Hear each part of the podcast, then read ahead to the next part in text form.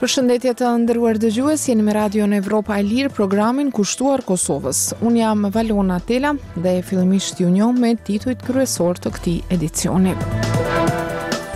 Kosova dhe Serbia diskutojnë në Bruksel për çështjen e përdorimit të dinarit. Në QKUK pacientët presin deri në tetëmbëdhjetë muaj për të marrë shërbime në Klinikën e Kardiologjisë. Nga bota, presidenti Biden shpreson për armëpushim në Gazë gjatë muajit të Ramazanit. Për këto dhe të tjera na ndiqni në 15 minutat vijuese. Radio Evropa e Lirë, burimi juaj i informimit. Çështja e përdorimit të dinarit serb në Kosovë është sot temë diskutimesh në Bruksel. I dërguari i BE-së për dialogun Kosovë-Serbi Miroslav Lajçak po zhvillon një sërë takimesh me delegacionet e të dyja vendeve në përpjekje për gjetjen e një zgjidhjeje. Kujtojmë se një rregullore e Bankës Qendrore të Kosovës e ka ndaluar përdorimin e valutës serbe në vend pas më shumë se dy dekadash, gjë që ka nxitur reagime si nga komuniteti serb ashtu edhe nga bashkësia ndërkombëtare. Për të rejat e fundit nga Brukseli, dëgjojmë Augustin Palokajn. Qëndroni me ne për t'u informuar me zhvillimet e fundit. Me lehtësimin e Bashkimit Evropian, sot në Bruksel po zhvillohen takime të cilat BE i çuan që janë në kuadër të dialogut mes Kosovës dhe Serbisë, që kanë për qëllim gjetjen e një zgjidhje rreth përdorimit të valutës për pagesa në territorin e Kosovës, pas vendimit të Bankës Qendrore të Kosovës që euro të jetë e vetmja valutë. Ky vendim, sipas Bashkimit Evropian, ka shkaktuar probleme praktike për komunitetin serb në Kosovë, të cilët kanë përdorur dinarin dhe me atë valutë kanë marrë edhe asistencë financiare nga Serbia. Prandaj BE-ja e ka thirrur këtë takim për të gjetur një zgjidhje. Takimet kanë nisur në mëngjes dhe i dërguari i posaçëm i BE-së për dialog Miroslav Lajçak së pari ka pasur takim me delegacionin e Serbisë e pastaj me atë të Kosovës. Sipas praktikës nga e kaluara, pas takimeve bilaterale që Lajçak ka ndaras me palët, pritet të zhvillohet edhe takim i përbashkët trilateral nëse palët do të pajtohen. Ndonëse të dyja palët marrin pjesë në këtë takim, përbërja e delegacioneve është e ndryshme. Serbia në takim ka dërguar kryenegociatorin për dialog Petar Petkoviq, pra nivel politik, ndërsa nga Kosova në takim merr pjesë Guvernatori i Bankës Qendrore të Kosovës, Ahmet Ismaili. Qeveria e Kosovës përmes zëvendëskryeministrit Besnik Bislimi, i cili është edhe kryenegociator për dialogun me Serbinë, nuk ishte pajtuar që çështja e përdorimit të valutës të jetë pjesë e dialogut, pasi e konsideron këtë si çështje të brendshme për të cilën kompetenca të pavarura ka BQK-ja. Prandaj Bislimi edhe e kishte kritikuar të dërguarin e posaçëm të BE-së për dialog Miroslav Lajçak për vendosjen e kësaj teme në agjendë të takimit pa pajtimin paraprak të Kosovës. Sipas Bislimit, në këtë mënyrë Lajçak ka shkelur parimet e dialogut që vetë i ka caktuar, sipas të cilave asnjë temë nuk mund të vendoset në rend të dite, pa pajtimin paraprak të të dyja palëve në dialog. Por në BE janë përgjigjur se ata vetëm angazhohen për gjetjen e një zgjidhjeje për problemin të cilin, sipas tyre, e kanë shkaktuar autoritetet e Kosovës me vendim të njëanshëm dhe pa konsultime as me partnerët ndërkombëtarë e as me komunitetin i cili ka pasoja direkte nga ky vendim. Sipas BE-së, dialogu është forumi ku duhet gjetur zgjidhje për të gjitha çështjet e hapura mes palëve, dhe këtë e kanë thënë edhe vendet anëtare, por edhe partnerët tjerë ndërkombëtarë. Zëdhënësja e BE-së për Çështje të Jashtme, Nabila Massrali, një ditë para takimit të sotëm kishte thënë se ky takim do të jetë në formatin e zakonshëm të dialogut dhe në të do të flitet për gjetjen e zgjidhjeve.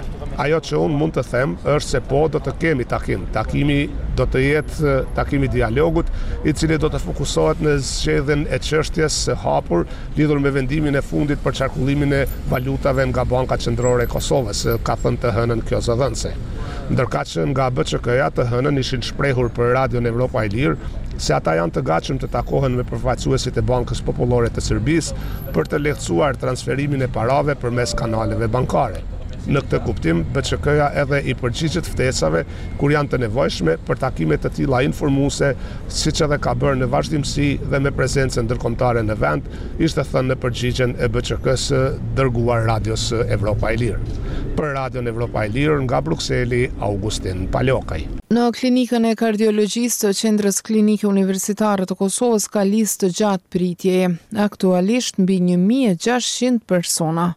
Radio Evropa e Lirë ka arritur të bisedojë me njërin prej tyre, i cili pret për të kryer procedurën e koronarografisë qysh në shtator të vitit 2022. Udhëheqës të kardiologjisë thonë se u mungojnë kapacitetet për të bërë më shumë. Në këtë temë dëgjojmë Arton Konushevcin. Ka gati një vit e gjysmë që Zejush Misini, rreth gjashtëdhjetë vjeç, pret për të bërë një koronarografi në Klinikën e Kardiologjisë të Qendrës Klinike Universitare të Kosovës. Kjo procedurë shërben për të diagnostikuar problemet në zemër, përkatësisht për të analizuar enët që e çojnë gjakun në zemër. Misini, i cili vjen nga komuna e Obiliqit, rreth dhjetë kilometra larg Prishtinës, tregon se mjeku i tij ka rekomanduar koronografi qysh në shtator të vitit dy mijë e njëzet e dy. Mos çfarë është normale, kur ta shohë mjeku që ka nevojë duhet menjëherë me përfundu, pse kalon edhe një vjet e gjysë a dy vjet. Radio Evropa e Lirë bisedoi me të në javën e tretë të shkurtir, kur ai kishte shkuar në QKUK për të disatën herë për t'u interesuar për termin.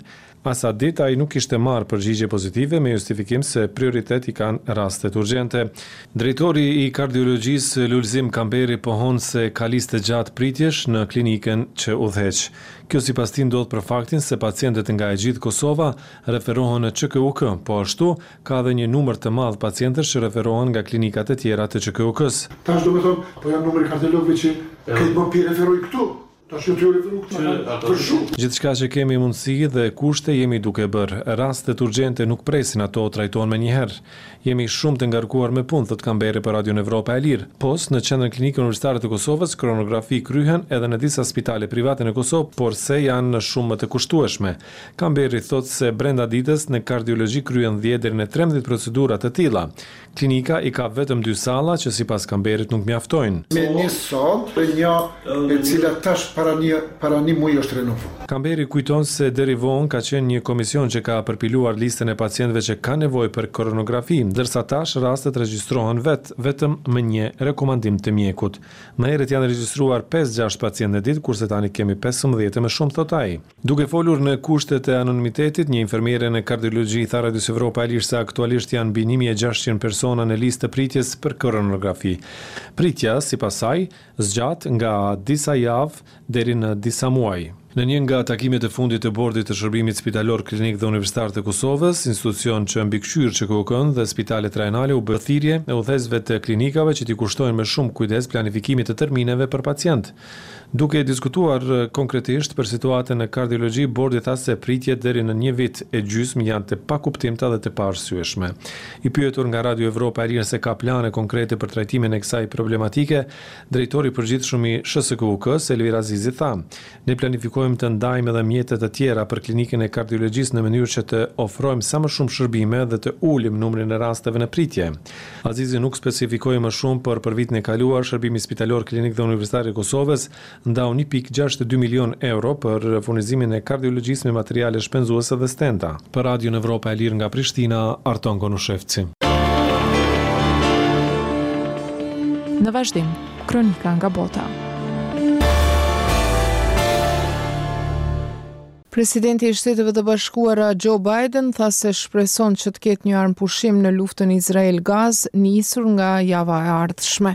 Komentet vijnë në kohën e raporteve për disa përparime të bëra në negociatat që përfshijnë përfaqësuesit e Izraelit dhe Hamasit, grupit të shpallur terrorist nga disa fuqi botërore, i cili udhëheq me rripin e Gazës, hollësitë nga Mimoza Sadiku. Presidenti i Shteteve të Bashkuara Joe Biden tha se Izraeli do të jetë i gatshëm të ndalë luftën e tij kundër Hamasit, grupit palestinez të shpallur organizatë terroriste nga SHBA-ja dhe Bashkimi Evropian, gjatë muajit të Ramazanit nëse arrihet një marrëveshje për lirimin e disa pengjeve që mbahen nga radikalët palestinezë. Negociatorët nga SHBA-ja, Egjipti dhe Katari po punojnë për kornizën e një marrëveshjeje, sipas së cilës Izraeli do të lironte dhjetëra pengjet që mban, në këmbim të lirimit të të burgosurve palestinezë dhe ndaljen e luftimeve për gjashtë javë. Gjatë kësaj pauze të përkohshme, Negociatat do të vazhdonin për lirimin e pengjeve të mbetura. Ende nuk ka ndonjë reagim nga Izraeli lidhur me deklaratat e Bidenit. Ramazani nis më dhjetë mars dhe shihet si një afat jo zyrtar për një marrëveshje armëpushimi. Biden tha se shpreson që një marrëveshje armëpushimi do të hynte në fuqi javën e ardhshme. Gjatë pauzës, negociatat do të vazhdonin për lirimin e pengjeve të mbetura dhe lirimin e më shumë të burgosurve palestinezë që mbahen nga Izraeli.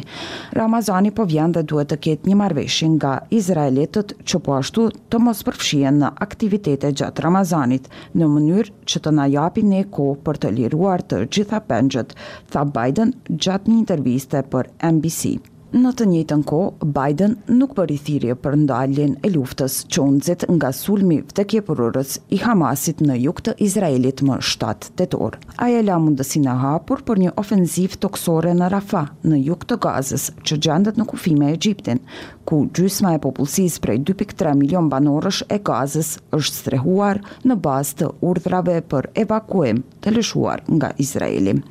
Mundësia e një pushtimi në Rafah ka ngritur alarmin në botë, lidhur me fatin e civilëve që janë ngujuar atje.